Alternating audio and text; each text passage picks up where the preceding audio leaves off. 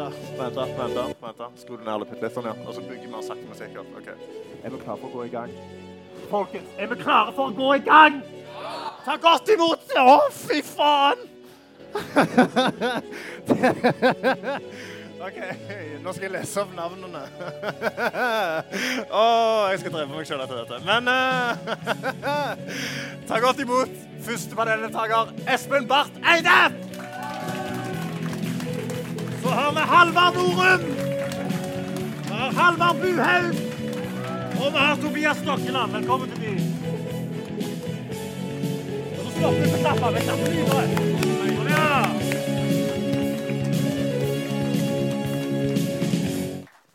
OK. Uh, da skal jeg bare først og fremst bare lese opp uh, For nå sa jeg Espen, du er jo klima- og miljøminister her i Norge. Jeg lærte nettopp hva minister betyr eh, for syv minutter siden. For jeg trodde stortingspolitiker og minister var det samme, men det er det ikke.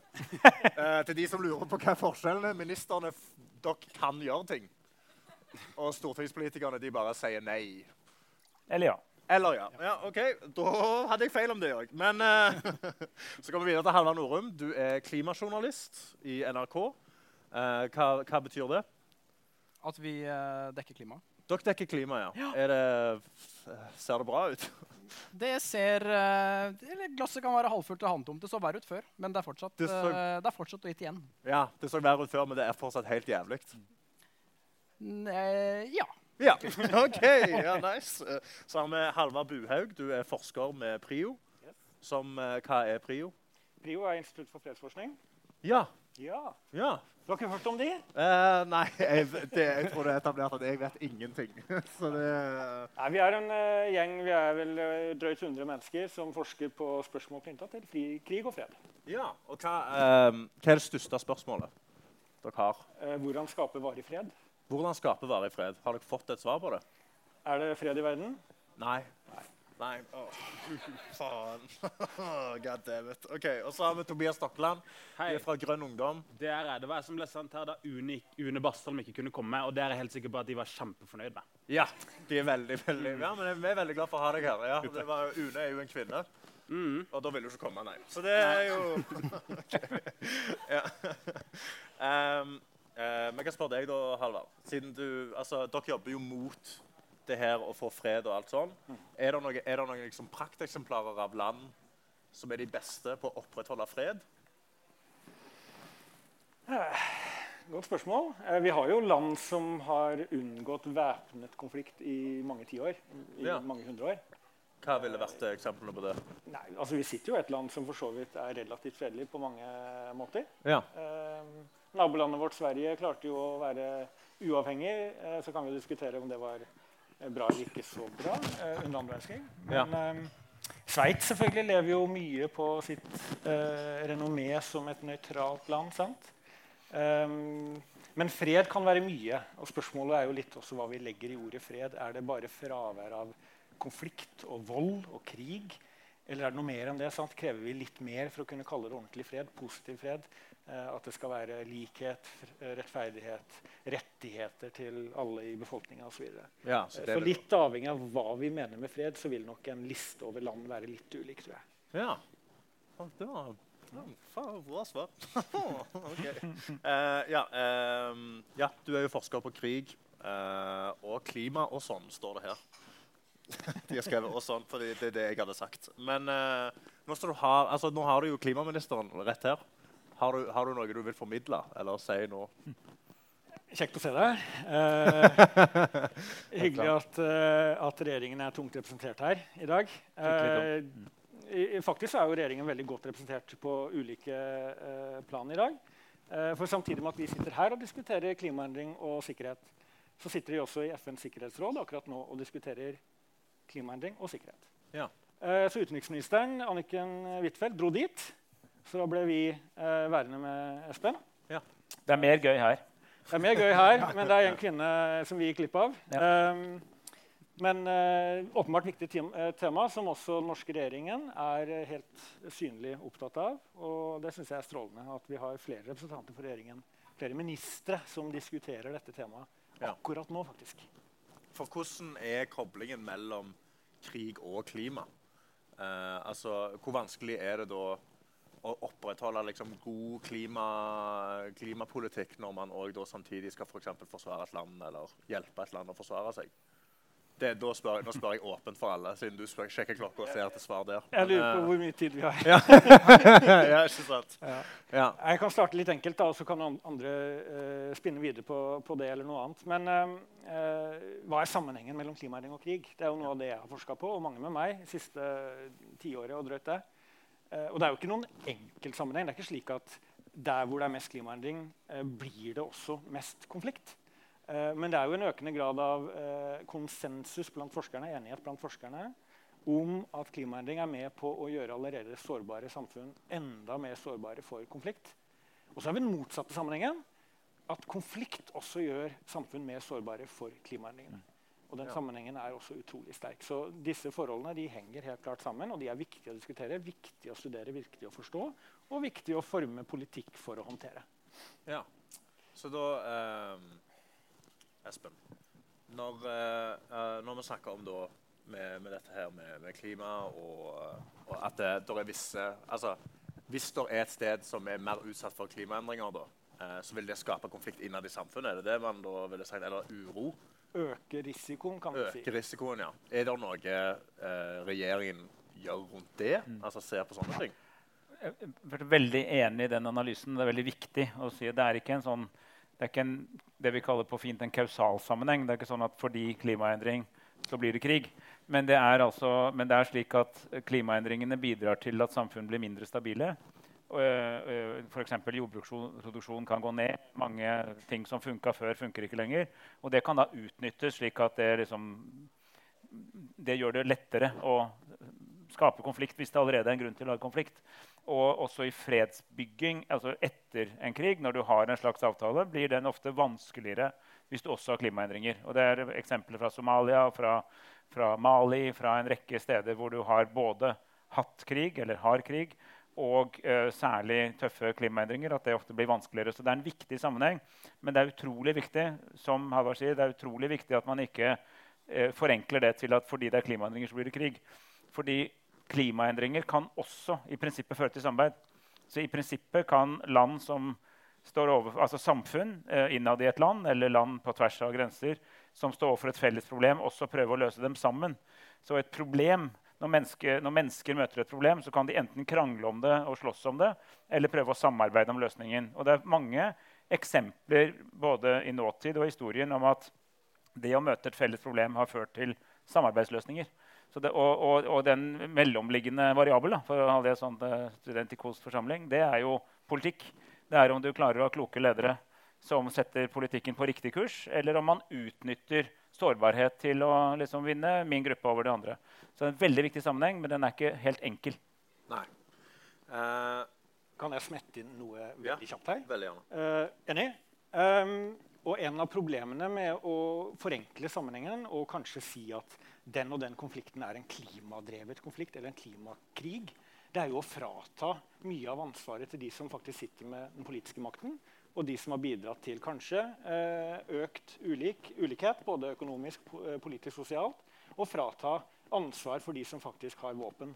Eh, så det skal vi vokte oss vel for. Ja. Men bare, ta et, bare gjøre dette konkret. Altså, en del, for eksempel I Afrika så er det en del områder hvor, hvor du får eh, spenninger mellom eh, fastboende, altså de, som- jord, jordbruk, og de som er mer sånn nomadisk, altså flytter eh, dyr over store områder og sånn. Som fordi livsgrunnlaget for den ene blir undergravet, så flytter da store grupper. Igjen, det trenger ikke å bli konflikt, men det kan bli det. Og det er da et, et sånn helt banalt eksempel egentlig på hvor, hvordan du håndterer sånne spenninger på. Uh, betyr veldig mye for om det går den ene veien eller den andre veien. ja. Uh, Tobias, Ja, du er jo i, i, i Grønn Ungdom. det er korrekt. Ja, uh, og MD... Ja, riktig svar. Takk. takk. Det var den eneste tingen jeg hadde rett om i dag. Men, uh, men du, altså, Ungdom, når, når jeg tenker på MDG, uh, så tenker jeg jo bare at dere har kun klimapolitikk. Ja. Har dere, har dere bare det? Uh, skal jeg funke mikken min? Ja. Ja, vi sier det. Eh, ja, det er, jo, altså, det er jo det vi ofte blir møtt med. Og det er jo sikkert delvis vår egen skyld også. Eh, men jeg kan jo si det. Eh, eh, altså, Vi har masse politikk på, måte, på alle mulige områder. og det er på en måte i liksom, hvis du skal kalle det den grønne ideologien. Det er jo en helhet der. ikke sant? Man, man ønsker et helhetlig samfunn som er solidarisk både med alle som er der nå, og alle som skal være der eh, flere generasjoner eh, framover. Og jeg hadde ikke liksom eh, brukt uh, altså, Hadde vi kun snakka om klimapolitikk, så hadde jeg nok ikke vært med i Grønn Ungdom. men det som og liksom, Vi mener ting om ulikhet, internasjonalt samarbeid, ruspolitikk You name it. liksom. og det burde vi være flinkere til å snakke om. Men helt grunnleggende så mener vi jo at vi skal løse alt mulig men vi kan ikke løse alt annet på tross av klimakrisa. Ikke sant? Fordi klimakrisa haster såpass mye, og konsekvensene er ganske drastiske hvis vi ikke løser den, at alternativet er mye verre. Og så skal vi, så skal vi gjennomføre en rusreform. Jeg mener at vi skal legalisere cannabis. Eh, jeg mener at vi burde ha eh, omfordele mye mer i samfunnet. Selv om jeg mener at dagens statsbudsjett gjør det ganske bra, faktisk. Eh, eh, men eh, eh, Så for å svare på spørsmålet litt nei. det er ikke bare, vi har ikke bare klimapolitikk. Men det, jeg, mener, jeg mener genuint det er den viktigste politiske saken vi møter i dagens samfunn. Ja, og du, eh, Halvard, du jobber jo med klimaformidling innad i NRK. Eh, altså i klimaredaksjonen, er det det det heter? Ja, vi er en, eh, Teknisk sett er vi en klimagruppe. Vi er en gruppe journalister eh, nå er vi vel en fem-seks stykker i NRK Nyheter, Ja. som har et spesielt fokus på klima. Vi jobber ikke bare med klima, men vi har det som eh, på en måte vårt felt, og prioriterer det når vi kan. Fordi vi ser at klima er jo en av vår tids store saker, og da fortjener det også ordentlig journalistikk. Og en av eh, forutsetningene for ordentlig journalistikk det er jo at journalistene kan noe om det de eh, skriver om. Og i vårt tilfelle også lager Snapchat-videoer om eller lager TV-saker om hva det skulle være. Ja, og hvordan er den eh, Altså, eh, hvor grønne er dere innad? Er dere fem-seks? Er dere alle veganere og kun sykler overalt, eller er det Absolutt. absolutt. liksom? Det er Blekkulf-testen. Alle må liksom passere den. Ja. Så da er det sånn to timers eh, kritisk sånn intervju da, med, før du kommer inn i gruppa. Ja. Hvor vi står rundt og liksom bombarderer deg. Og så er det waterboarding hvis du ikke Ja. Jeg håper det er vannsparings-waterboarding, da. Hmm? At, det, at det er vannsparings-waterboarding. Ja, og, er, og så er det. Bare- Ja, vann. Og selvfølgelig, vi tar hensyn til det er gjenbruk, da, så det er samme bøtta. Liksom dypper folket, ja. Ja. det er veldig bra. Uh, uh, hva er hva mener du da som, som skriver på dette sammen med disse fem-seks andre journalistene? eh, hva mener du er Norges største oppgave innen det å eh, endre på klimaendringene, eller hjelpe til? Altså det er jo, jeg dekker jo de som mener noe om akkurat det svaret. Så jeg skal jo holde meg for god for å på en måte mene eh, Hvem er du mest enig med? Den dagen de, Av, av meg og Espen. Ehm, nei, altså Den dagen de ansetter meg som kommentator i NRK, så kan jeg fortsatt ikke mene om det. Nei, men um, uh, jeg tenker at det som, det som er viktig for oss, er jo at vi uh, på en måte behandler klimafeltet som et egentlig hvilket som helst annet felt. Altså Vi skal både vi skal informere folk om hva som skjer. Vi skal uh, utfordre makta. Vi skal uh, kikke dem i kortene. Vi skal, vi skal på en måte utfordre ikke bare de som måte, sitter med makt, men også de som påstår at de har eh, svarene som makta ikke har. Ikke? En del av si, Den klassiske sånn, klimajournalistikken i sin spede begynnelse handlet veldig mye om at journalistene selv var liksom veldig, veldig, eh, altså nærmest aktivister selv. i hvert fall noen av dem. Mens vi skal jo forsøke å måtte være kritiske både til de som vil gjøre lite, men også de som vil gjøre mye. Vi skal tørre å stille kritiske spørsmål til eh, de som mener det godt. Ja. Og hva mener du da, eh, som forsker, er det, er det meste vi kan gjøre her i Norge? Um, jeg kan uh, leke at jeg er en liten politiker nå og så svare på noe litt annet. Um, ja, ja. For uh, som forsker så skal du heller ikke ta ting for gitt. Og du skal ikke gjøre deg opp en veldig klar mening uten at du har forskningsgrunnlag i bånn. Eh, så når vi som forskere forsøker å eh, forstå bedre forholdet mellom klima og konflikt, for eksempel, siden det er tema i dag, ehm, eh, så er det ikke slik at vi skal umiddelbart gå ut på gaten og protestere mot klimaendringene fordi de vil føre til all vold og, uro. Med mindre vi er trygge på rent vitenskapelig at den sammenhengen fins. Og så kan vi ha en debatt på hvor gode er de bevisene per i dag, og hvor god er vår kunnskap om hva vi tror kommer til å skje i framtiden. Eh, så eh, det var et svar på et spørsmål du ikke stilte. Ja. Eh, og så var det det spørsmålet du faktisk stilte. Ja. Eh, hva kan Norge gjøre, hvis det var det du mente? Mm. det er mye. Og nå er jo jeg langt forbi det som er mitt påståtte kompetansefelt. Um, det, jeg, jeg, har gått forbi det før jeg må komme den døra her. så det går helt fint. Men jeg kan komme med en personlig eh, betraktning. og det er at I FNs klimapanels uh, siste rapport, som ble sluppet nå, ja, gjennom tre deler, gjennom, uh, fra i fjor sensommeren til i, på våren nå i år, så kommer det jo klart fram at en av de viktigste begrensningene mot å øke motstandsdyktighet mot klimaendringene, og da særlig de klimaendringene som ikke vi kan unngå, det er fravær av finansiering. Climate finance. Eh, altså finansiering for å bygge ned sårbarheten, bygge opp motstandsdyktigheten mot ekstremværhendelser i det globale sør. Eh, og der tror jeg Norge som en av de virkelige høyinntektslandene kan gjøre mer enn det vi gjør i dag. Og vi kan være mer modige og i større grad eh, ta ledelsen, tenker jeg. Ja, så, eh, og da, da, mener du da å f.eks. gå ned da, til steder som er flomutsatte og bygge flombarrierer? Det, ville det vært det, liksom? Eksempel. Ja. Rett og slett sette av mer midler over statsbudsjettet til klimafinans i det globale sør. Ja.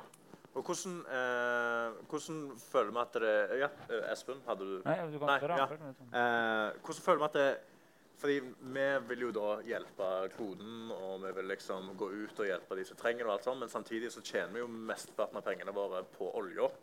Eh, jeg er jo en Stavanger-mann, så alle jeg kjenner, jobber jo i olja. Eh, og får alle pengene sine derfra og bruker de opp på byen i Stavanger. Det er stadig flere som jobber med havvind i Stavanger? Det er havvind i Stavanger, ja, men ingen jeg kjenner jobber med det. Så det nei, nei, nei, De står og klager på havvind. Ja. Men eh, hvordan, liksom, hvordan, skal vi ta stilling til det, eller hvordan hvordan skal vi veie det opp? Altså, ja.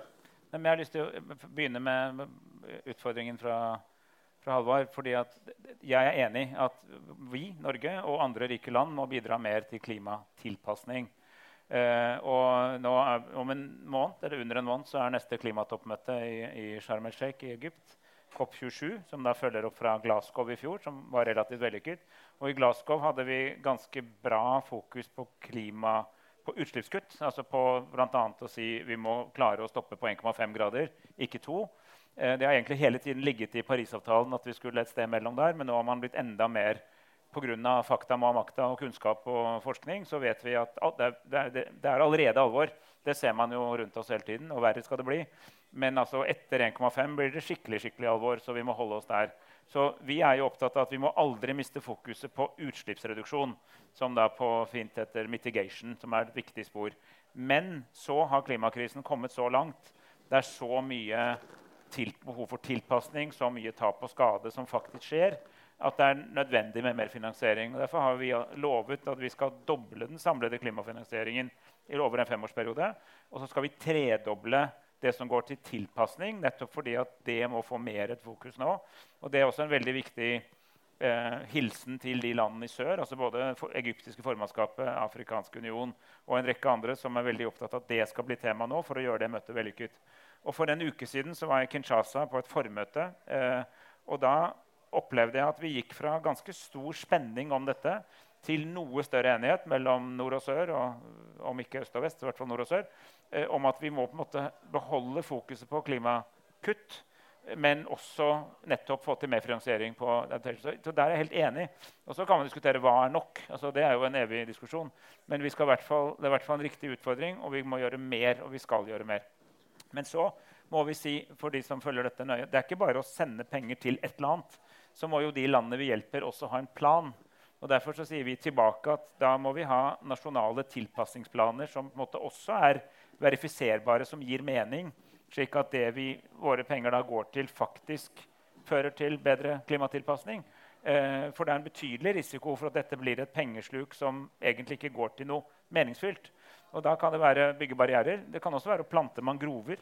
Mange steder i verden så vil mangroveplanting, som jeg har vært med på, lært meg å plante mangrover, det er kjempespennende, eh, det både fanger karbon fordi at de vokser fort og suger til seg masse karbon, men de stabiliserer også jorda, slik at flommene får mindre effekt og beskytter landsbyene og landbruket innenfor, og er skikkelig billig.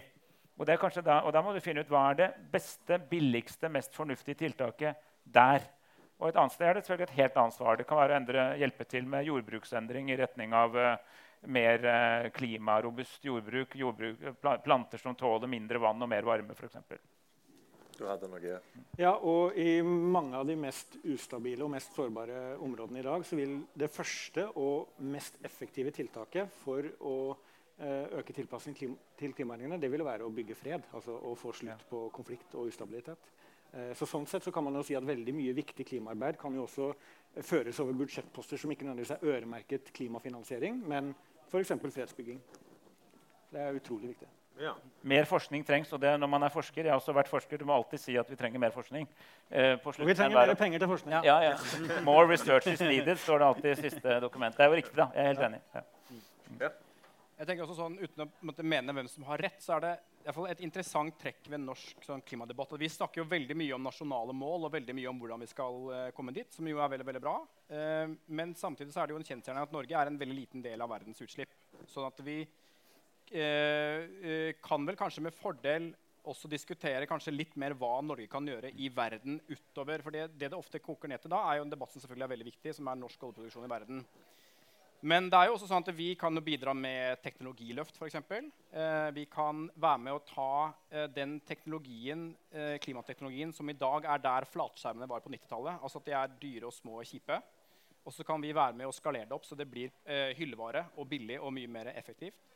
Eh, vi kan eh, bidra med kapital. Eh, senest i går var det vel, kommer det vel en sånn rapport fra Verdens meteorologiorganisasjon som gjentok veldig det veldig mange har sagt, nemlig at det grønne skiftet mangler kapital. Altså vi mangler, eh, vi mangler å, å få investert nok i fornybart i verden som skal erstatte all den vanvittige mengde med fossil energi som vi bruker.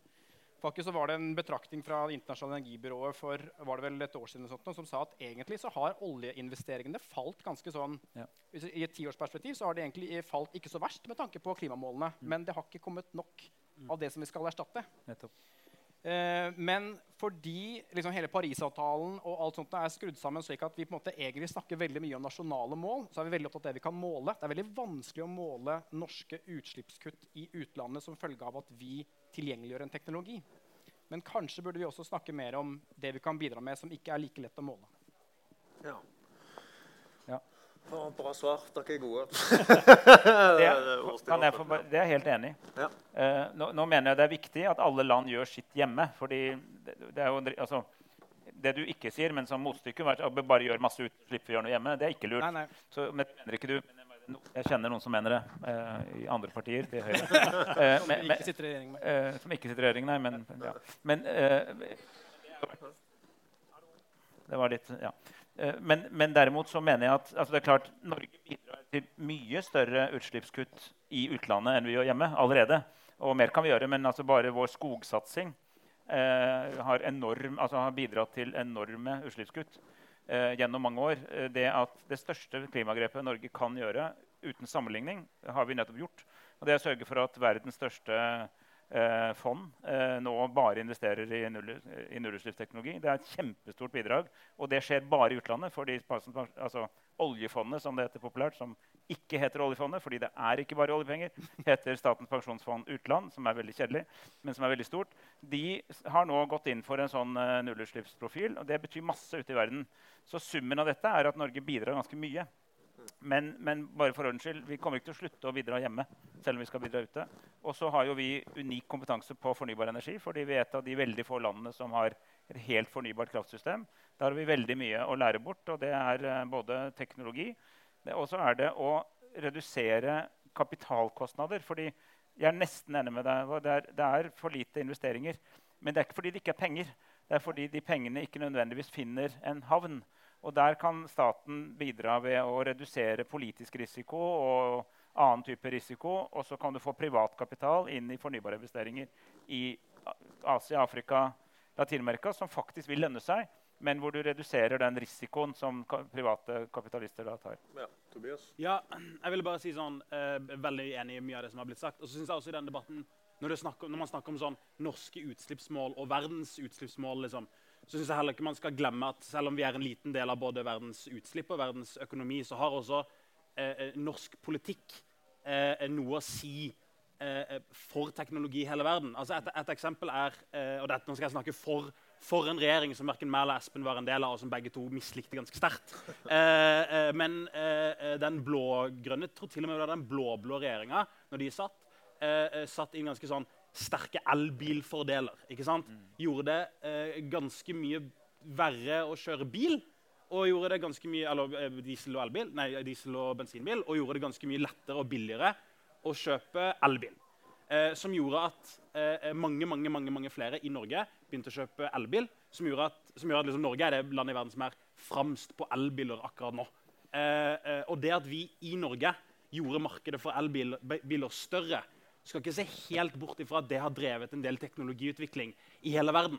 Så, eh, eh, eh, og, og, og, Norge har også muligheten til å gjøre det fordi vi er i den situasjonen vi er i. Fordi eh, vi har en relativt Altså vi har mye penger både på bok, men også blant oss som bor her, i forhold til resten av verden. og jeg ville bare si det at sånn herre Eh, eh, internasjonal klimafinans kjempeviktig. Det å kutte eh, utslipp og sørge for at andre land kutter utslipp ute, kjempeviktig. Eh, men kutt vi gjør her hjemme, kan også kutte mm. ute. Og Det syns jeg er ganske viktig å få fram. Helt riktig. Og bare, det er veldig enig, men bare for ordens skyld, Elbilpolitikken begynte lenge før den lovgrønne regjeringen. Det er, ja, det er tilbake til ja, Gro Harlem Brundtland, faktisk. ja, første, men, men, det var veldig, men ja, det er, jo, men det er veldig bra jo, men når det er sagt, det er veldig bra at det har vært tverrpolitisk enighet. For det er ingen tvil om at den effekten har det. Nå driver norsk prosessindustri en masse spennende prosjekter som går på full avkarbonisering. Det betyr å få ta kull og koks ut som reduksjonsmiddel. Eh, endre energibærerne til strøm eller ren hydrogen. Og i noen tilfeller også med karbonfangst og -lagring. Da kan du gå ned mot null, og til og med under null. Altså I Sauda Eramet i Sauda har planer om å lage negative utslipp av industriproduksjon. Fordi du bruker biokull eh, og eh, CCS, og da tar du netto utslipp ut av sfæren samtidig som du legger ting du kan selge. Den, det er jo kjempebra for klimaregnskapet mitt, eller vårt, da, norske. Men det er jo også veldig bra teknologiutvikling for verden. fordi når man først kan det, så kan det jo kopieres et annet sted. Så det er helt, jeg er veldig enig i poenget. Jeg skulle skyte med, der, med, det du sa om elbiler. for Det hadde vært en interessant studie og laget. Det er et godt doktorgradsarbeid. Altså den læringseffekten, eh, hvis du kunne måle den på en eller annen måte, eller komme med en sånn kvantifisert av hvordan det har spredd seg. Det er ikke mer enn en uke siden at jeg bisto eh, BBC, eh, som kom til Norge for å lage reportasje om norsk elbilpolitikk og ladeinfrastruktur. Så åpenbart så er det andre land som får med seg hva vi gjør her, og som da eh, kommer hit og drar hjem og forteller om det. Ikke sant? Og de forteller om the good, the bad and the ugly. Så de kan jo kanskje da unngå å gjøre de feilene vi har gjort. Så man skal liksom ikke ja, kimse av læringseffekten utover Norges grenser av den type politikk.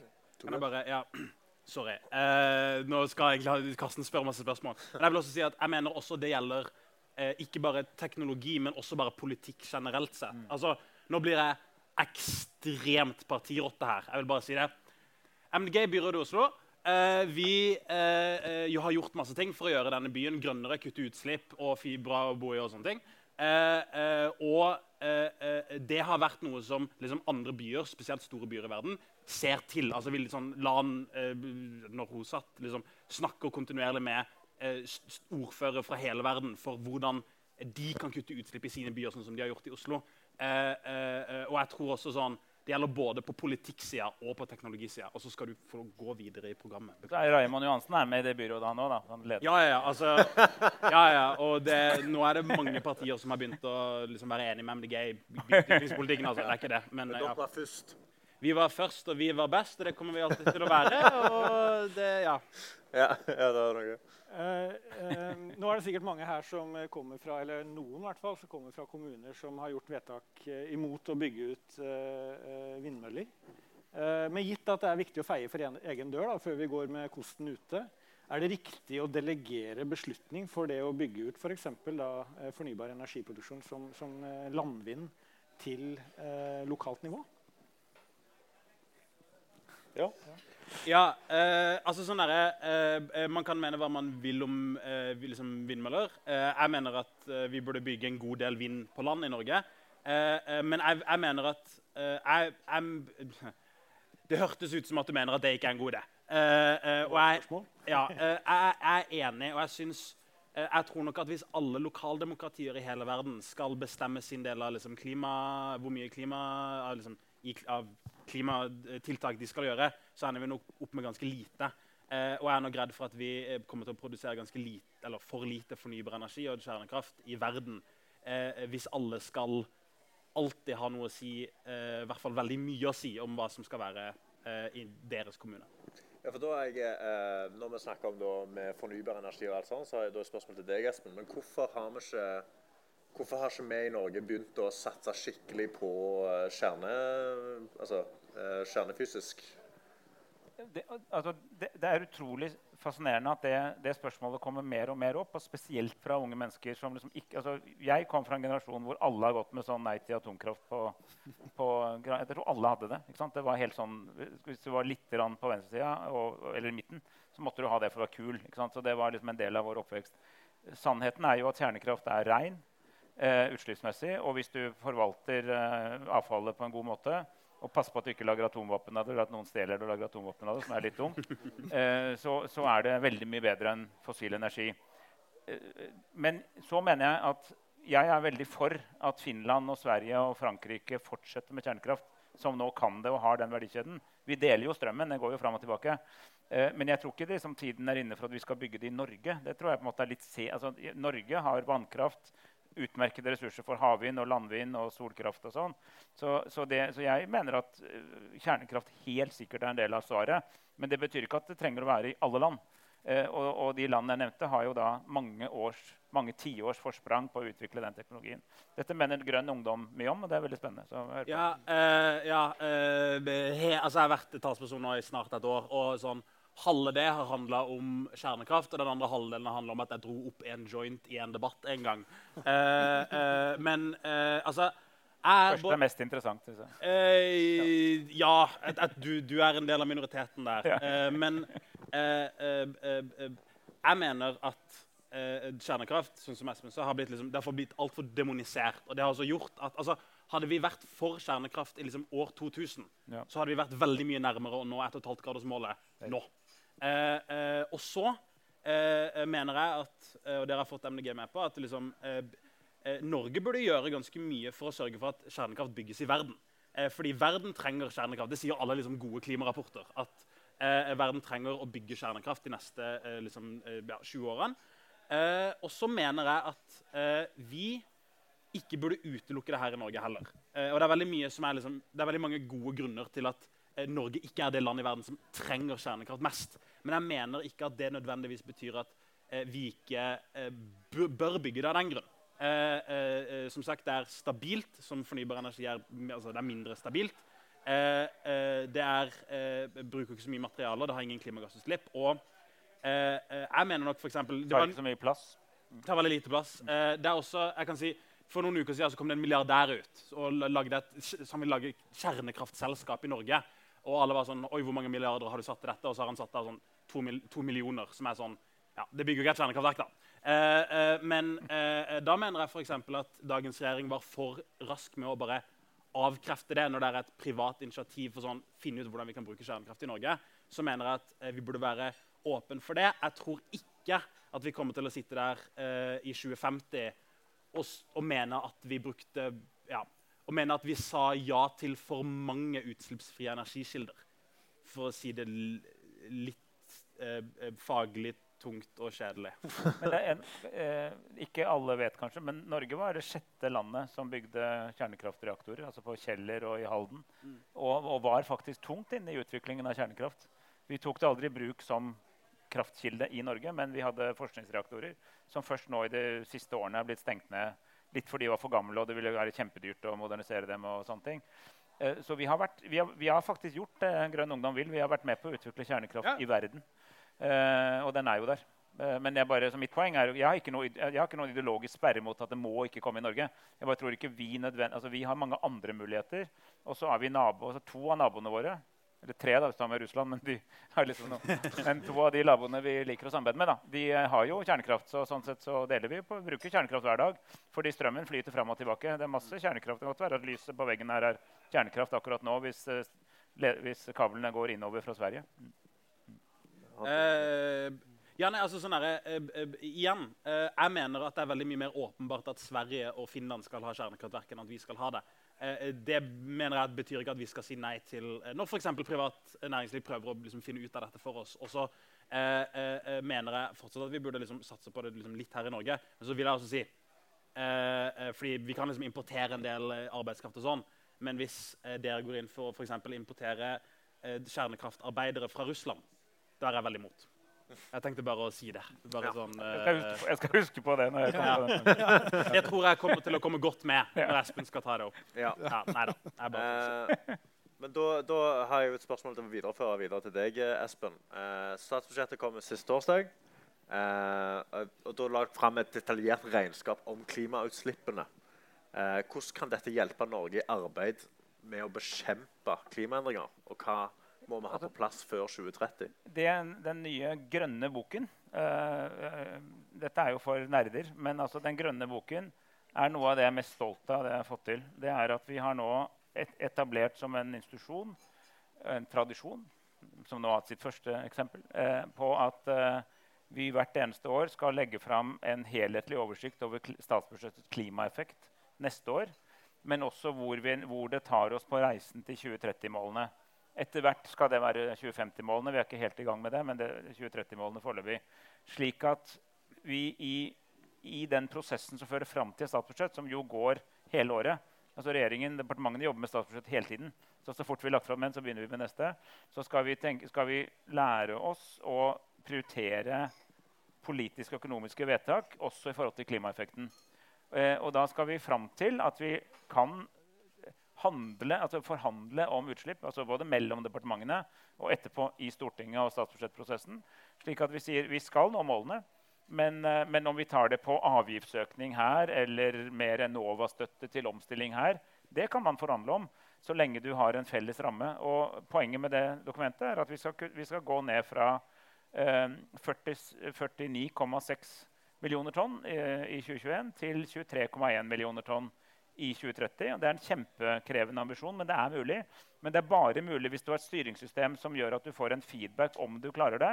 Eh, og som da viser media og opposisjon og offentligheten eh, hvordan vi ligger an på den reisen. Så Det er poenget med, med det dokumentet. Så det ikke, og så kommer det konkrete tiltak i tillegg, men det viktigste er at du viser hvordan du ligger an, og at du har et styringssystem som funker. Det har manglet i Norge fordi nå har jeg gleden av å lede Klima- og miljødepartementet. Det er tredje departementet jeg er leder. For jeg drev mye med krig og fred og sånn før. og utenriks og forsvar. Eh, og det, vi har et kjempeprofesjonelt, lojalt, skikkelig bra embetsverk. Men vi, har, vi er veldig silo. Vi er organisert i siloer. Altså hver sektor for seg. Så dette er et forsøk på å bygge liksom et tverrgående oversikt over klimaprofil. Akkurat som Finansdepartementet jobber med tverrgående oversikt over pengebruk. Så målet er å bli finans, altså finansdepartement for klima, og der er vi på god vei. Halvard? Ja, og så tenker jeg at Det som blir veldig spennende for oss klimajournalister å følge, da, eh, det er jo om da dette styringsverktøyet da eh, klar, bidrar til å knekke de eh, Det er jo noen nøtter på veien her som vi må knekke. Yes. Eh, og det handler mye om har vi nok kraft. Får vi bygget ut nok kraft? Ja. Fordi For å ta et eksempel. Yara, som har et svært anlegg på Herøya i Porsgrunn, de har jo tenkt å elektrifisere hele greia. Kutte 800 000 tonn CO2. Og for å gjøre det så trenger de mer kraft enn de bruker i Bergen by. Eh, så du må ha den krafta. Det fins en del av den type prosjekter. Eh, så du må på en måte eh, finne den krafta et sted i en tid der hvor det er litt krevende å bygge vindkraft på land. Det, kan bli, det er ikke sikkert vi får lage nok solenergi. Du må ha veldig dårlig tid hvis du skal gjøre det med havvind osv. Og så er det igjen Det er jo penga, da. Fordi det er jo en del industriprosjekter som, altså, hvor de banker på døra til Espen og de banker på døra til Jan Christian Vestre i Næringsdepartementet. det stemmer. Ja, og sier at Travel vi, har et utrolig bra klimatiltak, men uh, vi klarer ikke helt å ta regninga sjøl. og spørsmålet er da klarer vi da å prioritere det uh, raskt nok. eh, og er prosjektene gode nok opp mot alle andre gode formål? Veksten i folketrygden, langtidsplanen for Forsvaret. Altså alt mulig annet som vi skal gjøre i en tid der hvor budsjettene også begynner å bli litt Det er jo en litt annen type budsjett dere lager nå enn eh, i 2014, da det handlet om å på en måte pøse ut oljepenger og holde hjula i gang. Så det skal jo bli interessant. Det er helt riktig. Det er 100% sant. Det er akkurat det dere bør følge med i. for Det er et veldig godt spørsmål. Det er riktig beskrevet. Men så vil jeg si at det er noen klimatiltak kan staten bidra til med penger. Altså Enova-støtte, Nysnø, investeringsfondet eller bruke eh, den type subsidier. Eh, Noe kan vi få til gjennom eh, påbud, forbud, eh, regler, standarder, krav. Det er veldig mye klimapolitikk som ikke koster noe for staten. For det bare sier at det skal være sånn. Altså, du får ikke lov å slippe ut mer enn X. Eh, og så kan du la være å gjøre ting. Du kan for la være å bygge firefelts motorvei og heller oppgradere en vei som fins. Det er bra for klimaet. Så det er, vel, det er, jo ikke bare gratis. Det sparer penger på. Eh, og så kan vi bruke eierskap, for vi eier jo en tredjedel av Norge. altså Staten eier kjempemye. Eh, masse store selskaper og sånn. Og det, nå kommer næringsministeren og uh, stay tuned. for om, Han kommer med spennende nyheter på eierskap og bruk av eierskap for klimaomstilling. Eh, og vi bruker også eh, virkemiddelapparatet, som det heter. Altså Innovasjon Norge og eh, ja, Nysnø er nevnt, og, og Siva. Det, det, det, mer enn dere har hørt om. Vi har masse virkemidler i staten. Prøver å bruke dem målrettet mot nullutslipp. Og så var det det jeg sa om, om Pensjonsfondet. Da, ikke sant? Eh, så dette er jo et forsøk på å strømlinjeforme klimaet inn ikke bare i pengebruken som ses på statsbudsjettet, men også den løpende driften av staten. Og jeg vil altså, jeg våge den påstand at vi kan få til mer Altså, vi, vi, trenger penger, så det er helt sant. Men vi kan få til mer med det som ikke koster penger. enn som koster penger. Så, vi, så lenge vi er tøffe nok til å stille krav. Eh, og, og, og klima, altså, jeg er jo på en måte finansministerens drøm også, for jeg har jo forslag om masse avgifter. Mer enn han liker. Eh, eh, eh som kan tenke penger inn, og derved begrenser utslipp. Eh, og så må vi huske på litt sosiale konsekvenser og geografi og sånn. Men, men det er ikke bare pengebruk som er statens eh, redskap for klimakutt. Nei, åpen, åpenbart ikke. Mm. Uh, men jeg bare tror at det, det, kommer til å bli en diskusjon på en del av de der store ja. prosjektene. Og så ja. er det som du sier at ja, staten kan stille en del krav uh, som sier at det skal være sånn. Uh, dere må være nullutslipp om tre år ferdig med det. Men hvis det gjør at det blir så dyrt at de da flytter produksjonen utenlands, så har du jo også et problem. Vi har løsninger på det. Vi. Men, det, men, men, det, jo, men, når det gjelder kraftproduksjon, det er et veldig godt eksempel. Da. For det, de som har lyst til å bygge ut kraft, de ber ikke om penger. Det, er ikke de, nei, nei. Nei, det de ber om, er konsesjoner. Det de ber om, er adgang til areal for kraftverket, vindmøllene f.eks. Eller eh, kraftlinjen som tar strømmen fra vindmøllen til Yara. Eh, og det staten må gjøre da, er å ha dyktige, flinke byråkrater som kan på en god måte eh, konsekvensutrede og si ja, her er det for areal. Og Derfor så bruker vi nå penger på flere byråkratstillinger i NVE og i OED altså Olje- og energidepartementet, slik at vi har flere mennesker som kan si ja til sånne konsesjoner fortere. Og da får du massevis av penger som har lyst til å tjene penger, fordi strøm er jo verdt noe. For, for, en gangs skyld er jo strøm verdifullt å lage, for du får jo masse penger på det. Så da kommer pengene. Så, så poeng, det er bare et veldig veldig godt eksempel på det, det problemet med Yara og hele Herøya. De trenger masse mer kraft. Men staten trenger ikke å kaste penger etter den kraften. Vi må bare ha konsesjonsprosesser og behandling av arealdisposjoneringer. Jeg tror kanskje Yara kommer til å be om litt offentlig støtte òg.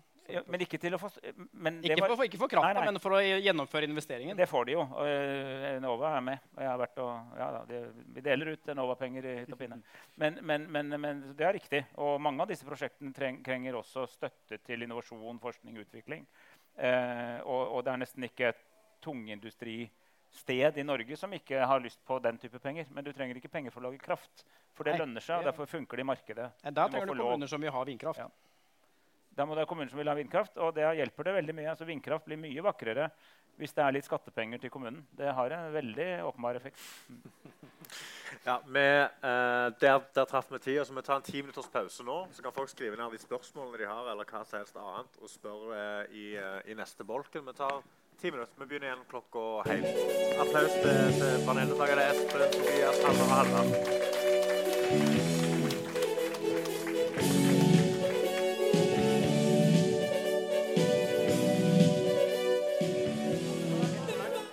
right, all right, all right, all right. Skal vi gå i gang? Er dere klare? Vent, hæ? Ja, ok, Er dere klare? Ja, Er vi klare for å gå i gang med en debatt? Dere har klart spørsmål? Ja, ok. Gi en applaus til, alle, til, til deltakerne en gang til. Espen, Tor, Tobias, Halvard og Halvard. All right. Nå skal vi ta imot spørsmål fra publikum. Vi har fått beskjed, altså, vi har snakka mye om klima nå og forstår at det handler om krig og klima. Så hvis dere har krigsspørsmål, så må dere veldig gjerne bare spørre de. Så er det noen som har noe nå? Ja, der har vi noe med en gang. Du kan få en mikrofon rett der. Hallo. Hei. Yes, um, jeg lurte på hva forskningen egentlig sier om mengden klimautslipp som kommer fra krig og våpenindustri sammenlignet med privat forbruk og utslipp. Det er et kjempebra spørsmål som ikke jeg kan svare direkte på. Eh, det betyr ikke nødvendigvis at det ikke fins noen forskningsresultater på utslipp som er direkte relatert til konflikter og kriger. Eh, men jeg er nok ikke helt oppdatert på det. Men en av utfordringene da, med å kan, eh, kunne klare å svare veldig bra på det, er i fravær av krig, hva ville vi hatt? Sant? Eh, hvilke utslipp ville vi hatt i et samfunn hvor det ikke var konflikt og krig? Eh, Mest sannsynlig så ville utslippene vært eh, lavere fra militær sektor. Eh, men kanskje kunne de vært høyere fra andre sektorer. Men så har du også da ringvirkningene utover akkurat der hvor konflikten er. Og det ser vi jo med globale konsekvenser av eh, det som skjer i Ukraina i dag. Så det er et spennende spørsmål som eh, jeg ikke kan svare fullgodt på, dessverre. Skjønner. Uh, Vent litt, uh, før, før, du følger opp. Uh, fordi det, det minte meg på en artikkel som ble publisert i, for ikke lenge siden, som forsøkte å beregne de globale økonomiske kostnadene ved konflikt over de siste 50 årene. Og de kom fram til et kjempehøyt tall i dollar, og enda litt høyere i kroner, selvfølgelig, over hvor mye alle verdens kriger og konflikter har kostet de siste 50 årene. Og det er jo med på å liksom sette på agendaen verdien av fredsbygging. Men på den annen side kunne man jo tenke seg og nå er jeg ikke på noen måte en advokat for krig, men de tapte inntektene, da, hvis vi hadde hatt de, så hadde det også innebært mer økonomisk utvikling, mer økonomisk aktivitet, som potensielt også kunne ha innebært høyere utslipp, fram til vi kom til det nivået hvor teknologien tillot eh, økonomisk aktivitet uten globale utslipp. Ja. Um, også lite tilleggsspørsmål. Uh, jeg opplever også at og dette er jo på en måte i hele Europa at uh, i miljøvern uh, eller klimadebatten så syns jeg det hele tatt krig får veldig lite plass. Og f.eks. ta De grønne i Tyskland. For eksempel, de har da vært veldig aggressive på å pushe våpen og rett og slett be Ukraina fortsette krigen mot Russland. Så jeg føler på en måte at det er en sånn discrepancy mellom det man egentlig mener om klima, men så pusher man allikevel ting som egentlig er veldig klimafiendtlig. Uh, så jeg syns bare det var Når jeg har fulgt med på denne debatten, så savner jeg veldig ofte at det innslaget kommer. Mm. Har du lyst til å svare på det? Eller? Ja, jeg kan godt svare på det. Uh, jeg uh, synes at liksom, klimakostnaden av krig er et liksom, godt argument for at, liksom, hvordan man burde liksom, forebygge krig liksom, sørge for at det ikke skjer. Eh, eh, og eh, jeg kan også bare si, Det er veldig deilig å eh, måtte forsvare eh, de grønne i Tyskland og ikke måtte forsvare at de har lagt ned kjernekraftverk. Det er bare sånn eh, for en gangs skyld siste året. Til og, med, til, og med, når jeg er for kjernekraft i media, så må jeg forsvare at de grønne i Tyskland er mot. Men bare til det du sier. fordi jeg støtter det å gi masse våpen til Ukraina fullt ut.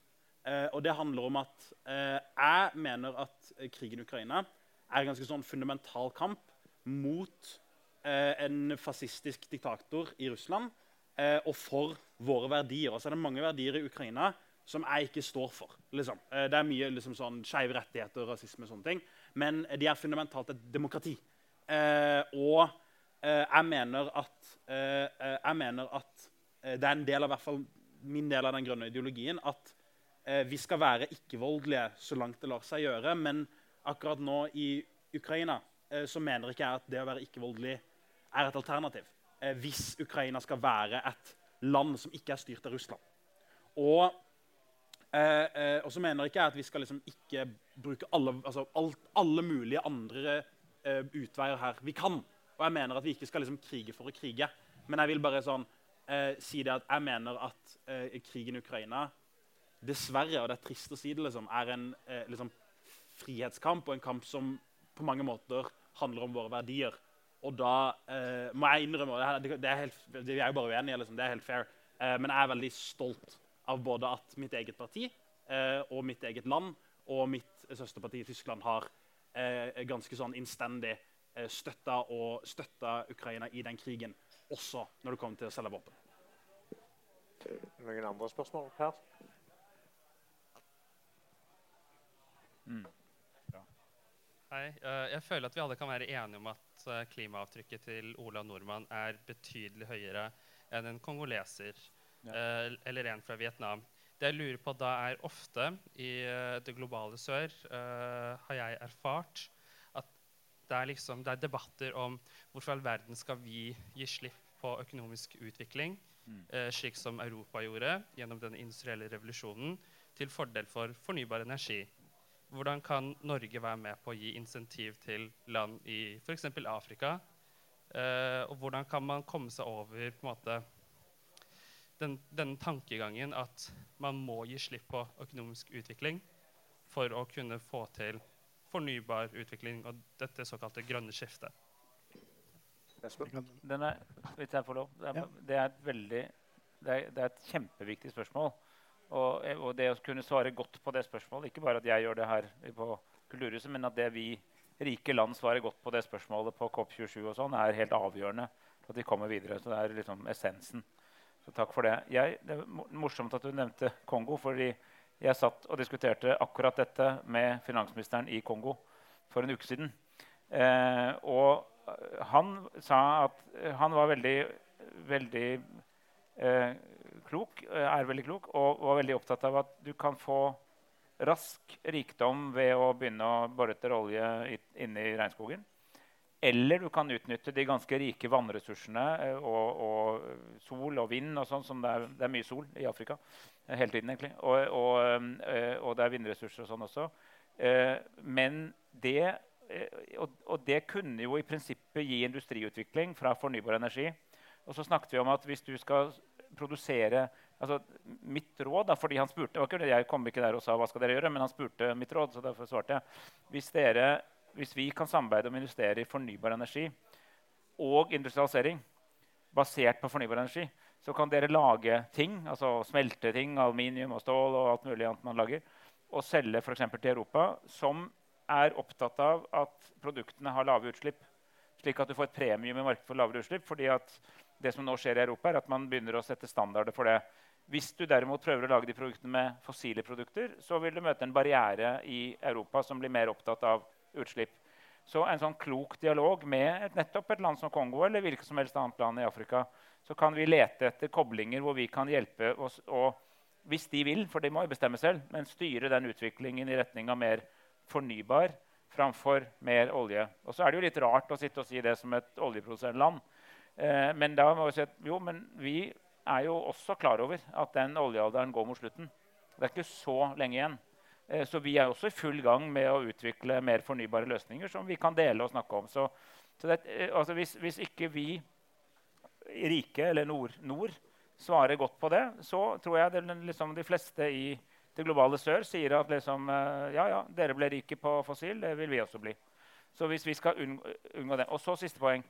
Det vi, det vi, vi har gjort i mellomtiden, er at vi har jo våre subsidier, våre investeringer, vår innovasjon har gjort at solkraft koster nå en tiendedel av det det kostet for ti år siden. I mange land er det billigere enn å bygge kullkraftverk. Og i noen land er det billigere enn å fortsette å bruke et kullkraftverk du allerede har. Altså, det, så, og det, ikke, det, har ikke vært penger vi har sendt til Kongo, men det er investeringer som Kongo kan nyte godt av. For det er jo gjort. Så, det, så nå er jo den teknologien tilgjengelig for en annen type utvikling. Og da er vi tilbake til det vi snakket om uh, den NRK, Halvard. Ja. Eh, eh da er det jo egentlig å, å, kapitalkostnader, støtteinvesteringer og sånn, som kan gjøre at f.eks. Kongo kan gå den veien istedenfor å bli nok et oljeproduserende land som Nigeria, med alt det følger med seg. Ja, altså jeg var litt inne på Det samme at det er, eh, det var vel Bloomberg New Energy Finance tror jeg, som er liksom den fornybardelen av Bloomberg. Som ikke akkurat er noen sånne eh, kamelbærsrøykende miljøhippier, men som er veldig sånn tallknutere. Eh, som anslo nettopp det at i løpet av 2020-tallet så vil veldig mange steder i verden være billigere å bygge fornybart enn å drifte eksisterende fossil, som eh, Barth Eide var inne på. Men det er jo fortsatt en del barrierer for å få til det. Eh, fordi at du må ha eh, mer avanserte energistyringssystemer når du har på en måte variabel ja. produksjon osv. Eh, altså den type si, eh, kunnskap og kompetanse som ikke nødvendigvis er til stede i alle land som på en måte søker økonomisk vekst.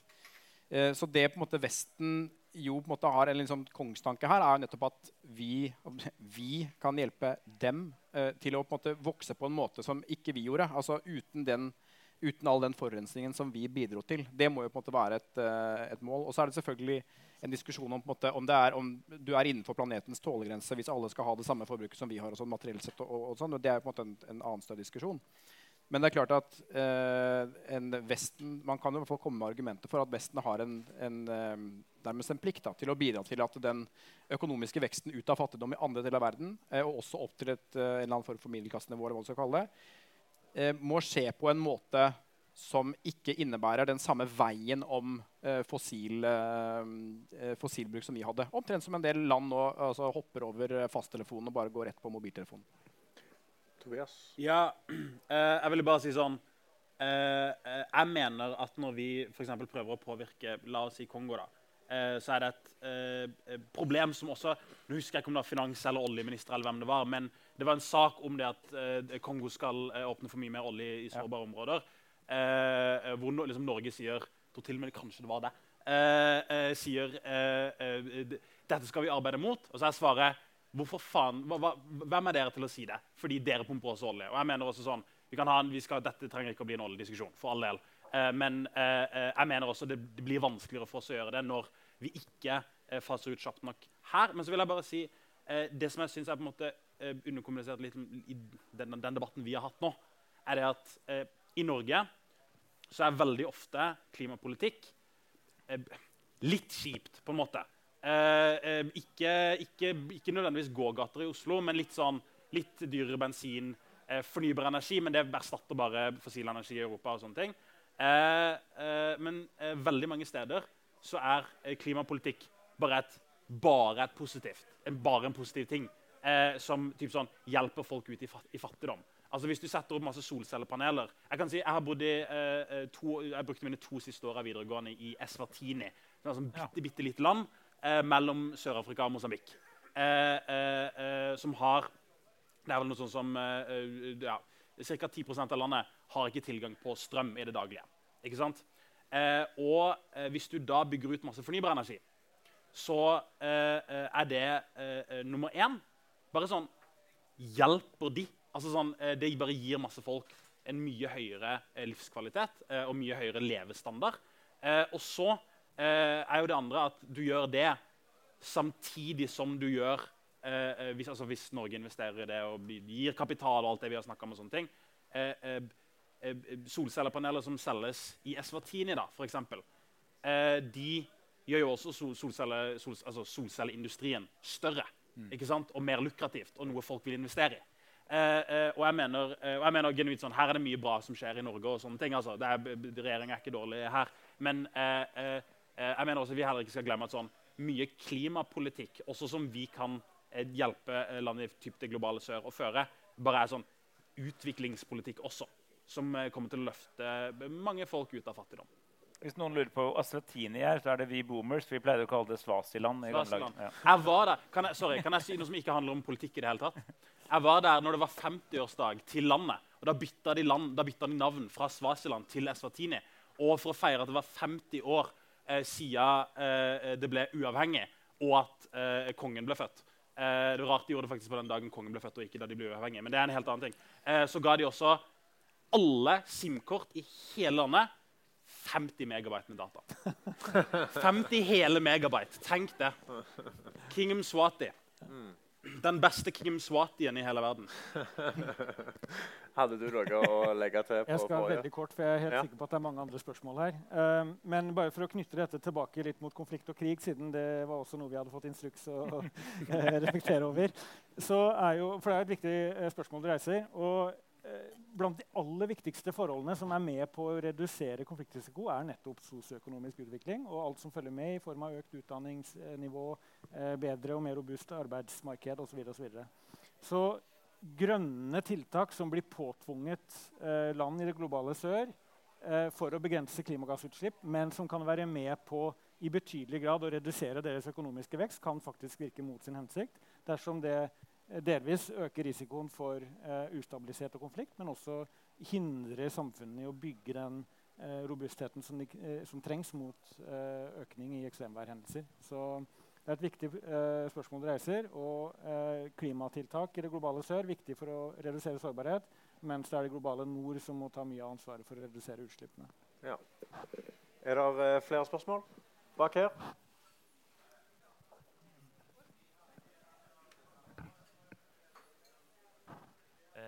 Eh, først og fremst takk for blomstene jeg fikk av deg sist. Ja, ja, ja, ja, ja, ja. Jeg fikk blomster sist gang, og jeg hadde sykkel, så jeg kunne ikke ta dem. Og da spurte du Du sa at du hadde, du hadde, fått, eh, du hadde endt opp i ekstra gjeld pga. høyreregjeringa. Så da fikk du en bukett med blomster av meg. Og det var løsningen på det. uh, ja, og så spørsmål. Uh, når eh, Norge først er i Sikkerhetsråd og har en delvis eh, makt, da, med tanken på at de ikke har veto-makt, eh, hvordan kan Norge sikre f.eks. at eh, vannforsyning ikke blir angrepet under krig? Var det tenker jeg kan Nei, gå til tidligere forsvarsminister. Og, ja, og, og både som det og som utenriksminister så jobbet vi faktisk veldig mye med det. Og det gjør Anniken fortsatt, og det gjorde Ine Marie Eriksen Søreide og sånn også. Vi har vært veldig fokus på eh, Vi hadde en egen, egen satsing på dette med krigens folkerett og, og øke respekten for hva krigen, humanitærretten sier. For det, altså, Humanitærretten sier jo egentlig at eh, hvis det først, er, først var det jo funnet om krigen er lovlig, og det er folkerett. Men hvis du først fører krig, så er det noe som er lov, og noe som ikke er lov. Og det for å angripe sivil infrastruktur er gjennomgående ikke lov. Eh, og angrep på militære mål må også være proporsjonale, slik at det eventuelle tap av sivile liv som det forårsaker, det er ikke nødvendigvis ulovlig, men det må være proporsjonalt med den militære gevinsten. Så vi jobbet veldig mye med å gjøre, altså promotere at det faktisk ble etterfulgt i reelle konflikter. Ikke å finne opp retten, for det var sånn, men at det faktisk ble forstått og skjønt. og at vi jobbet ganske mye med det. Så det har vært en ganske høy del av vår utenrikspolitikk i mange år. Og også nå i sikkerhetsrådstiden nettopp å skape mer forståelse for, hva, for de reglene som faktisk gjelder for krigføring. Som f.eks. Russland akkurat nå i disse dager sikkert akkurat nå for eksempel, bryter hele tiden med massive angrep på sivil infrastruktur som et desperat svar på at de gjør det skikkelig dårlig på slag, overraskende dårlig på slagmarken. Så tar de liksom igjen mot, uh, mot uh, nettopp vannforsyning, kraftforsyning, eh, barnehager, eh, sykehus, eh, skoler og alminnelig bebyggelse, som er grunnleggende ulovlig, og som må føre til rettsoppgjør etterpå. Eh, og det inkluderer vannforsyning. Ja, men Hvordan ville vi endt opp med å forsvare vannforsyningen her i Norge? da? Altså, vi, eh, jo, vi har eh, ganske mye beredskapsplaner nå, faktisk. For nettopp Altså, dette kan jo bli verre. Så uten å kunne si alt om det, så er det sånn at vi tenker ganske mye på nettopp hvordan vi nå tar vare på kritisk infrastruktur. og Det inkluderer vannforsyning. Det er jo ikke bare mot angrep. Det kan også være mot f.eks. radioaktivitet som kommer fra f.eks. ulykker altså, Angrep på atomkraftanlegg kan jo føre til utslipp som kommer til Norge. Og enda verre bruk av atomvåpen. Eh, dessverre har vi jo på radaren at det kan skje. Og selv om det ikke skjer mot oss, så er det da viktig å for sørge for at du har eh, fulle tanker, at de er dekket til. Altså, det er en del sånne ting som Så det er gans, dessverre ganske høyt på ja, Det er bra at det er høyt på dagsordenen, men det er veldig synd at det må være høyt på dagsordenen. Ja. Er det noen andre som har noe å tilføye? Jeg fikk en veldig følelse av at sånn, dette er sånne ting han egentlig ikke kan snakke om. Ja, egentlig. Skjønner du hva jeg mener? Så la han snakke. Ja, ja, ja. ja, ja, ja. ja, ja, ja. ja, Bare ja. hold kjeft. Nei, men det ville være, altså, Hvis jeg var dere, så ville jeg vært bekymret hvis ikke vi tenkte på disse tingene. Ja. Men det gjør vi altså. Ja, Så vi trenger ikke være så bekymra. Jo, vi får ikke være bekymret, men litt. Ja, ok, ja. Bitte litt mindre enn det vi skulle vært. Ok, Har vi flere spørsmål? Ja.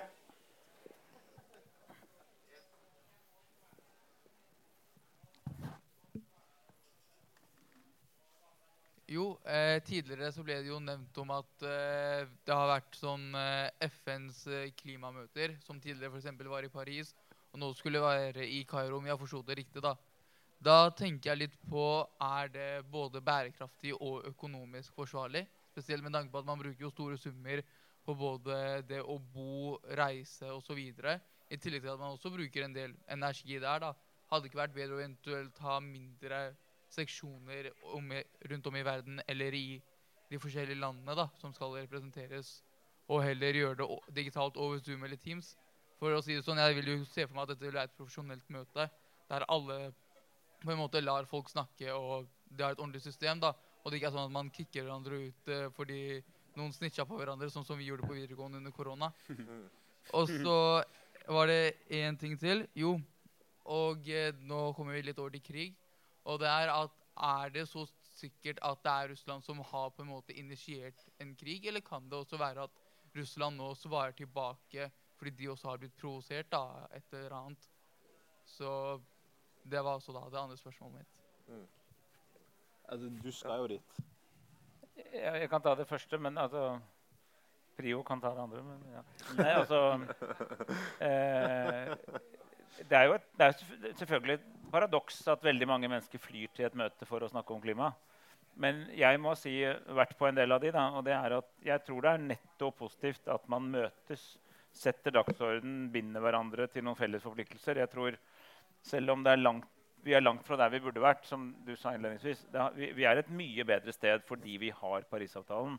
Fordi vi har nå i ganske mange år drevet med klimapolitikk. Altså, en god nyhet, da, for det er litt fint med gode nyheter, er at det vi kaller utslippsintensiteten, går veldig ned. Det betyr at vi lager mange flere ting med færre utslipp En hvilken som helst bil. Til og med en fossil bil kjører fryktelig mye lenger på en liter bensin enn den gjorde for 20 år siden pga. klimapolitikk. Eh, Så, sånn sett så har utslippene mye lavere enn de ville vært uten klimapolitikk. Veldig mye lavere, og det er helt beviselig. Problemet er at de er ikke så lave som de burde vært, fordi vi gjør ikke nok av dette. Eh, og det har bl.a. blitt til internasjonale møter hvor folk møtes. Og så kan du lure på, i tillegg til oss ministeren, trenger du 30 000 mennesker til? Vel, altså, der, Det er jo også møteplasser for NGO-er, frivillig sektor, ungdom, klimaaktivister som møter og inspirerer hverandre. Så enn så lenge så mener jeg at det er netto positivt. Men det er klart, eh, der man kan dra med tog, så bør man reise med tog. Så du mener at det er bærekraftig, da? Det det er jo ikke isolert sett altså, Et stort møte med 30 000 mennesker i hele verden er jo ikke isolert sett mer bærekraftig enn ikke å møtes. Åpenbart. Det har du helt rett i. Men spørsmålet hvis det bidrar til nok netto fremgang i verden, eh, så mener jeg at det er det. Så du tenker lang sikt, da? Ja, så jeg tror det svaret er ja. Ja, Ja, jeg kan eh, legge til litt på det første spørsmålet og så svare kort på det andre spørsmålet ditt. Eh, jeg har vært så heldig at jeg har vært med i FNs klimapanel og vært med og skrevet den siste rapporten som er skrevet, eller den arbeidsgruppe 2 sin rapport. Eh, og det innebar jo en del reising. Det var fire sånne hovedforfattermøter. Det var ett i sørlig Portugal, det var ett i Nepal. Eh, og så var det Hvor var jeg hen? ja, det har vært uh, tre reiser, og den fjerde ble, uh, da kom koronaen, så da ble det et virtuelt møte. Så da ble det strukket til dobbelt så langt. Men det, selvfølgelig hadde vi diskusjoner både i forkant og på de møtene. Er det riktig av oss å møtes ja, Johannes, nei, Durban var det fjerde, i Sør-Afrika. Og at hele, forskere fra hele verden drar til Sør-Afrika for å sitte sammen i fem dager og diskutere og for å skrive en rapport. Eh, og eh, noen lot være å dra og takket nok nei til å bidra inn i FNs klimapanels rapport. Nettopp fordi de har prinsipper mot å reise. Eh, men for folk flest så tror jeg nok de ser på dette som en investering. Så reisen i seg selv tror jeg det er vanskelig å si at det er bærekraftig. Men formålet med reisen og forhåpentligvis konsekvensene av rapporten i form av forbedret kunnskapsgrunnlag som kan føre til bedre politikk, gjør at det på lengre sikt likevel er vurdert til å være riktig misbruk av ressursene. Da, for å si det sånn. Eh, om eh, Russland var den som egentlig starta eh, krigen i Ukraina Vel, jeg tenker nå i hvert fall så at uh, idet det var stridsvogner som krysset grensen fra Russland, og også fra Hviterussland, russiske styrker, inn i Ukraina, og da kryssermissiler også ble sendt fra Russland og inn i Ukraina, da startet krigen. Ja. Konflikten har, og kamphandlingene har foregått på ukrainsk territorium gjennom hele perioden. Så hvem som startet den konflikten, det tenker jeg ikke er så veldig vanskelig å avgjøre. Tobias? Nå ble jeg veldig starstruck, fordi og dette, er en sånn, dette er en rar kobling, men det ble, ble sykt i mitt hode. Eh, det, er helt, det er den andre, andre rapporten. Eh, den, eh, for det første, ekstremt starstruck av at du har skrevet den. og at jeg sitter her nå. Eh, den leste jeg mens jeg var på et fly eh, til en Nato-øvelse. Eh, og, eh, men jeg vil bare si sånn derre eh, em, bare eh, Apropos det spørsmålet. fordi at, jeg, jeg syns det derre eh, personlig ansvar-tingen da, som man ofte får i klimadebatten, eh, er veldig dumt. fordi det er sånn derre eh, eh, Sånn var det jo i 2015 også. Masse, masse sånne memes og bilder av sånn derre Oi, alle disse folkene som flyr inn til Paris for å signere Parisavtalen. ikke sant? Al Gore, alle sammen. ikke sant? Noen av de er på privatjetter. Og så er det sånn eh, eh, Ja da, man kan liksom kritisere det, og for så vidt liksom, mot de individuelt så er det helt fair å liksom, kritisere dem for det. whatever. Eh, eh, eh, jeg mener det er ganske sånn eh, eh, pa Parisavtalen har kutta veldig mye mer utslipp enn de flyene som fløy inn til Paris. Med ganske god margin, vil jeg si. Selv om ikke ja, i, indirekte. Og jeg mener også det er et også problem at sånn derre- den moralske liksom, pekepinnen på sånn Oi, ikke, fly, ikke fly fly. Den gjelder ikke når de politikerne gjør hva som helst annet. Ikke sant? Eh, hvis Joe Biden flyr til Norge for å snakke om sikkerhetspolitikk, så er det ingen som er sånn Hvorfor flyr du? Du bryr deg om klima. Ikke sant? Og eh, jeg mener jo, sånn, jeg er enig i at sånn der, man må fly inn eh, for å, eh, fordi det, det blir bedre forhandlinger av det. og, sånn. Men jeg mener også at sånn derre den koblinga med sånn pers folks personlige moral opp mot klimakrisa og liksom klimapolitikk også er med på å liksom forkludre debatten litt. da. Fordi istedenfor at uh, f.eks. Uh, uh, jeg eh, ja, som, en, som er i Grønn Ungdom og sikkert, Hvis, jeg, hvis jeg, noen tar bilde av meg på et fly, så blir det sikkert en Nettavisen-sak. liksom. Uh, eh, Istedenfor at jeg kan snakke om reell klimapolitikk, istedenfor at vi snakker om de reelle tingene som vi som samfunn må gjøre, så driver vi med en eller annen sånn målekonkurranse av hvem som er liksom etisk best på dette. Eh, altså, For alle liksom, vær veganer og ikke fly og liksom alt sånn. Veldig bra, liksom. Eh, men eh, det er politikk og det er de store linjene som kommer til å gjøre det. Ikke at Al Gore og eh, Erna Solberg eh, tar, tar tog istedenfor å fly til Paris. Ja. Du hadde noe å legge til, Espen? eller? Jeg har bare lyst til å si, altså, Veldig enig i det. Eh, men så er det faktisk sånn at eh, si To små ting. Det ene er at koronakrisen lærte oss å bruke Zoom og Teams. Det gjør vi òg. Det er faktisk flere formøter altså, Jeg snakker mye mer med andre ministre på digitalt enn jeg tror man gjorde for tre år siden. Så det er, og det betyr, Vi erstatter ikke selve klimatoppmøtet, men mye av forberedelsene skjer noe digitalt. For det er praktisk og slipper å fly. Det er ikke bare å spare utslipp, det sparer tid. Er- Du kan være hjemme hos kona om kvelden. Altså det, er, er mange fordeler med å digitalt møte, så det har kommet. Så, så noe av det er faktisk tilfellet, og det er relevant. Det andre er det er, altså, Krig er grunnleggende forferdelig, og det er aldri noe godt argument for en krig. Men en ting som nå skjer, er at eh, en av følgekonsekvensene av invasjonen i Ukraina er at Europa akselererer det grønne skiftet. Det kommer til å gå enda fortere. Ja, utslippene går litt opp fordi man fortsetter å bruke noen kullkraftverk som burde vært stengt en liten stund. Men, men nå er det liksom all in på om, overgang til fornybar produksjon, også bruk. Så de som har lyst til å investere i fornybare løsninger, altså bring it on.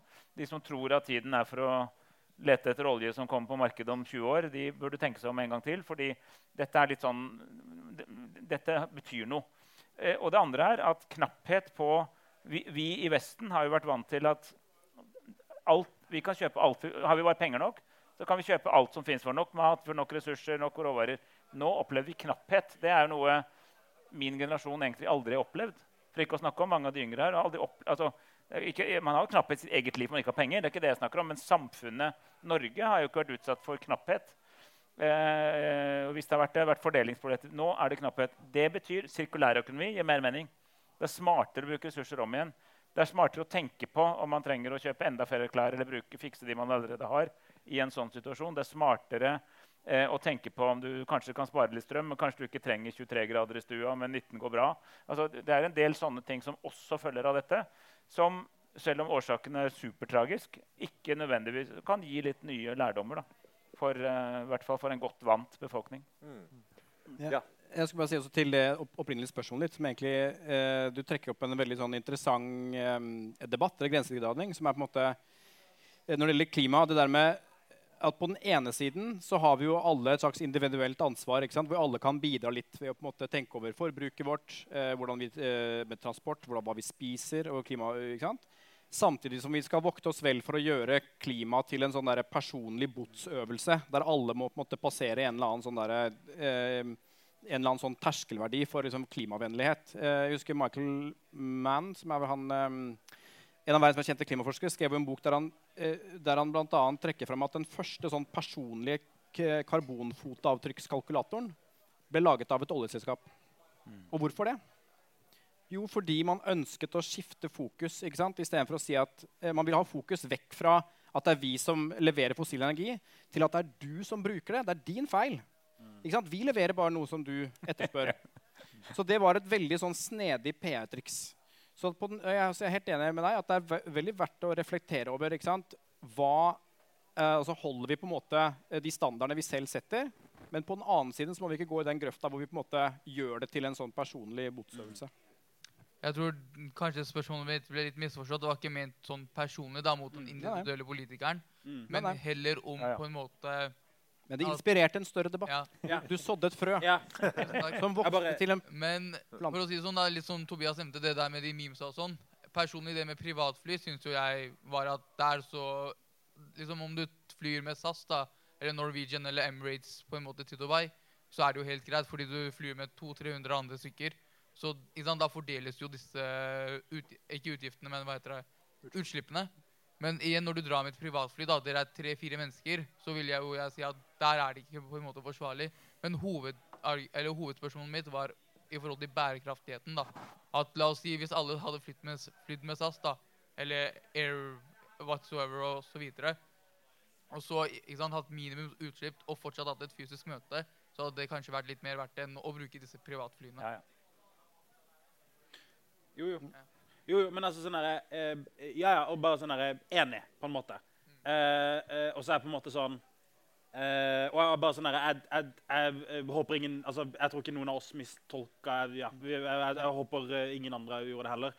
Eh, eh, men jeg, tror også bare sånn derre eh, Jeg vil heller ha en som eh, bare spiser kjøtt, eh, kjører en, ett minutt til jobben og tar noen wheelies.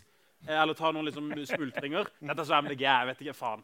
Eh, eh, men, men å liksom, å liksom eh, eh, eh, kjøre privatfly eh, fram og tilbake, fram og tilbake, frem og tilbake, bare for kødd, liksom.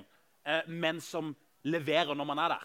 Ikke sant? Fordi det er, det er de store samfunnstrendene vi må gjøre noe med. Og, og ikke minst altså bare sånn politikken. Ikke eh, igjen da, Jeg vil heller ha bra politikk fra en uetisk person enn dårlig politikk eh, fra en veldig etisk person. konsekvensetikk, altså. Det syns jeg er en sabla fin måte. Det er sikkert det det heter. Ja. Ja. X-Fill. Konsekvensetikk. Jeg fikk, det i X-Fill, så det var det er sikkert derfor. Ja, Du gikk for konsekvensetikk, ikke sinnelagsetikk. Ja. Det- Vil noen hjelpe meg her? Er det, Ja, jeg, tror vi skal, jeg tror vi avslutter der. Jeg synes det var veldig fint. Jeg gir en applaus til, til deltakerne. Og så eh, Så gir vi stor applaus til de to arrangørene fra Yata og fra Tull til alvor, Henriette og Julia.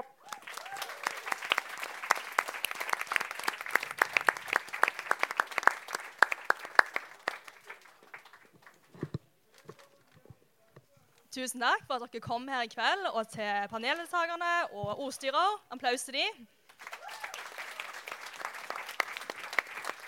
Og så har Henriette og meg vært på shopping tidligere i dag, og vi er sykt stolt over gaven vi har funnet, for den er veldig bærekraftig. Jeg må bare vise. Vi har funnet miljøvennlig bakeark. Eh, Det reflekterer kanskje miljøpolitikken til regjeringa, for halvparten er hvete, og halvparten er olje. Og så har vi Fairtrade lakriskuler. Så tusen takk for i kveld. Så skal Henriette fortelle mer om neste arrangement. Ja, neste arrangement er eh, 9. november. Samme sted eh, på en onsdag klokken 18. Um, det blir um, tredje arrangement sammen med Tullete Alvor og uh, Jata. Og da er tema krig og Noen forslag? Nei? Fred. Krig og eh, demokrati. Ja. Yes. Så tusen takk for i dag, alle sammen.